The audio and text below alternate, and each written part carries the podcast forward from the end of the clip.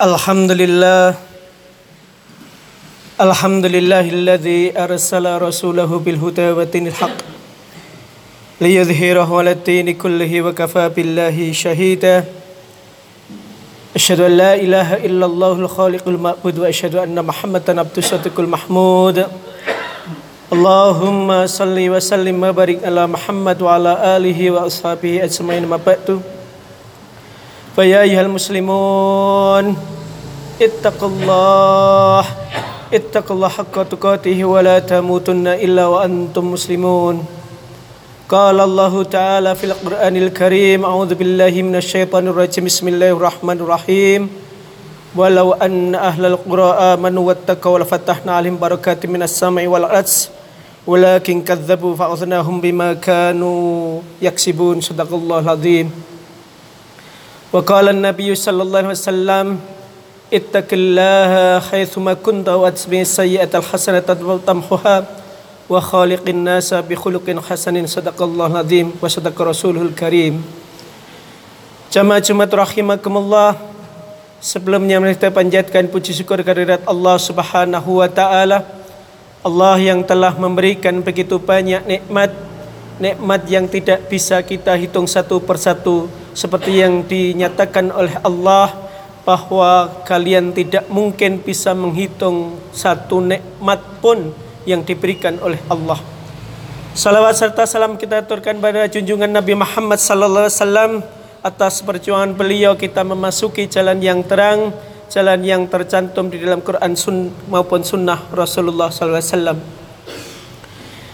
Jamaah rahimakumullah, setiap Jumat diyakini setiap khotib di dalam khutbahnya mengharapkan seluruh umat manusia itu bertakwa kepada Allah.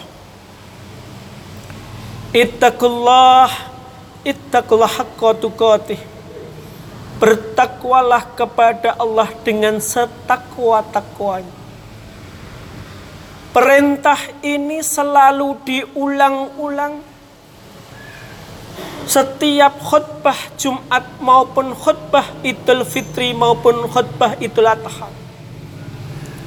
Tetapi rata-rata umat Islam tidak tahu persis sebenarnya takwa itu harus seperti apa.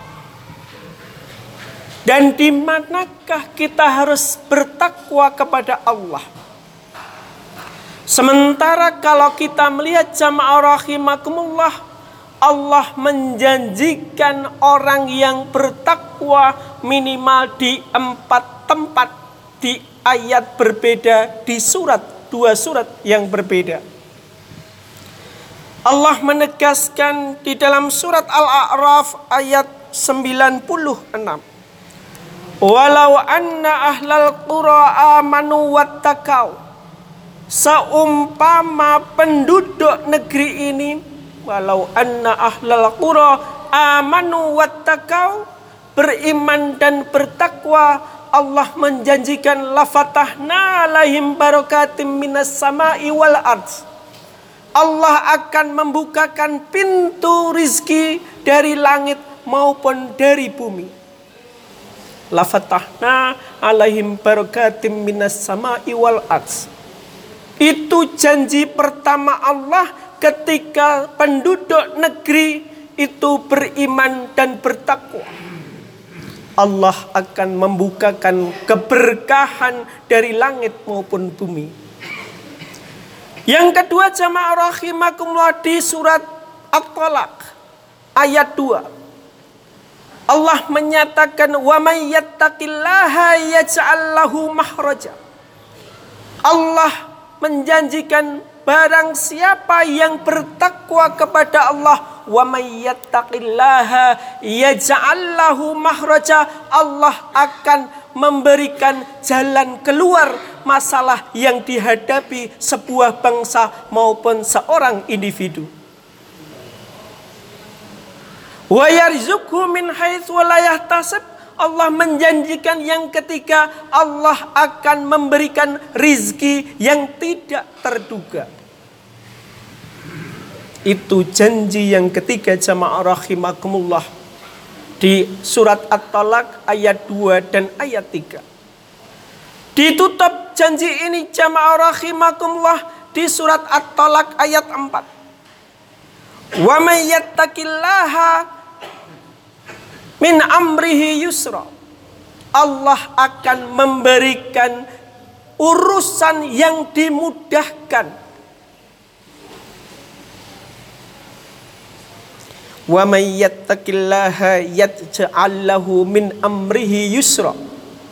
Allah akan memberikan kemudahan kepada individu maupun sebuah bangsa ketika bertakwa kepada Allah dimudahkan segala urusan.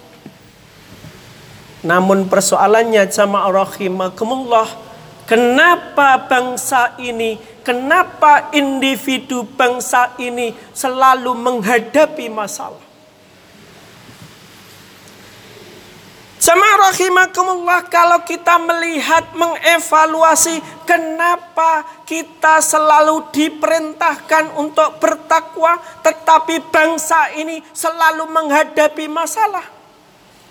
Allah memberikan rambu-rambu yang sangat jelas di antaranya ada di surat Al-Isra ayat 16, surat Al-Mu'minun ayat 64, surat Hud ayat 34, dan surat Hud ayat 116.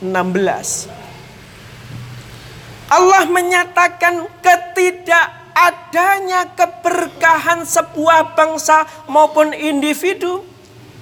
Allah menegaskan di antaranya ada di surat Al-Isra ayat 16.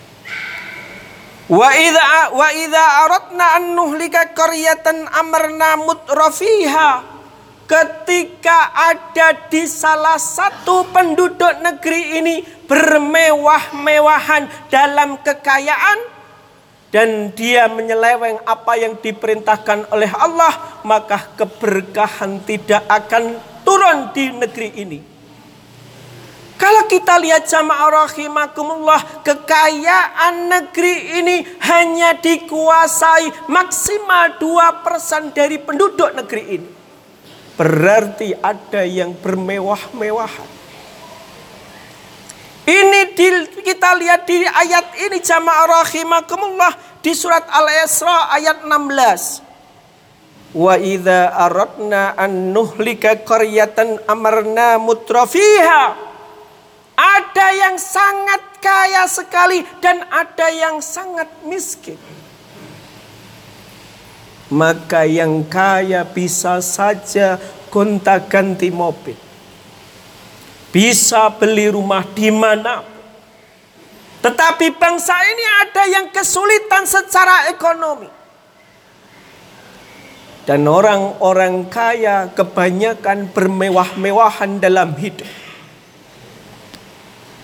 Allah menegaskan lagi di dalam surat Al-Mu'minun ayat 64. Kemudian ada di ayat yang lainnya, ada di ayat Saba, surat Saba ayat 34. Wa ma arsalna fi qaryatin min nadhirin illa qala mutrafuha. Orang-orang kaya banyak yang bermewah-mewahan dan bermegah-megahan dalam kekayaan. Dan terakhir jamaah rahimakumullah Allah mengkritik orang-orang kaya yang bermegah-megahan di surat Hud ayat 116. Gara-gara itu jamaah rahimakumullah bangsa ini tidak mendapatkan keberkahan dari langit dan dari bumi. Maka jamaah rahimakumullah kalau kita melihat jamaah rahimakumullah, kenapa ini semua terjadi? Di antaranya secara individu kita sebagai umat Islam tidak menjadikan Quran sebagai seperti yang difirmankan oleh Allah dalam surat Al-Baqarah, "Dzalikal kitabu la raiba fihi muttaqin." Setiap individu umat Islam melepaskan Quran. Tidak menjadikan Quran sebagai petunjuk dalam hidup. Ketika kita sebagai suami, pernahkah kita memperlakukan istri kita seperti perintah Quran seorang suami menghormati istrinya?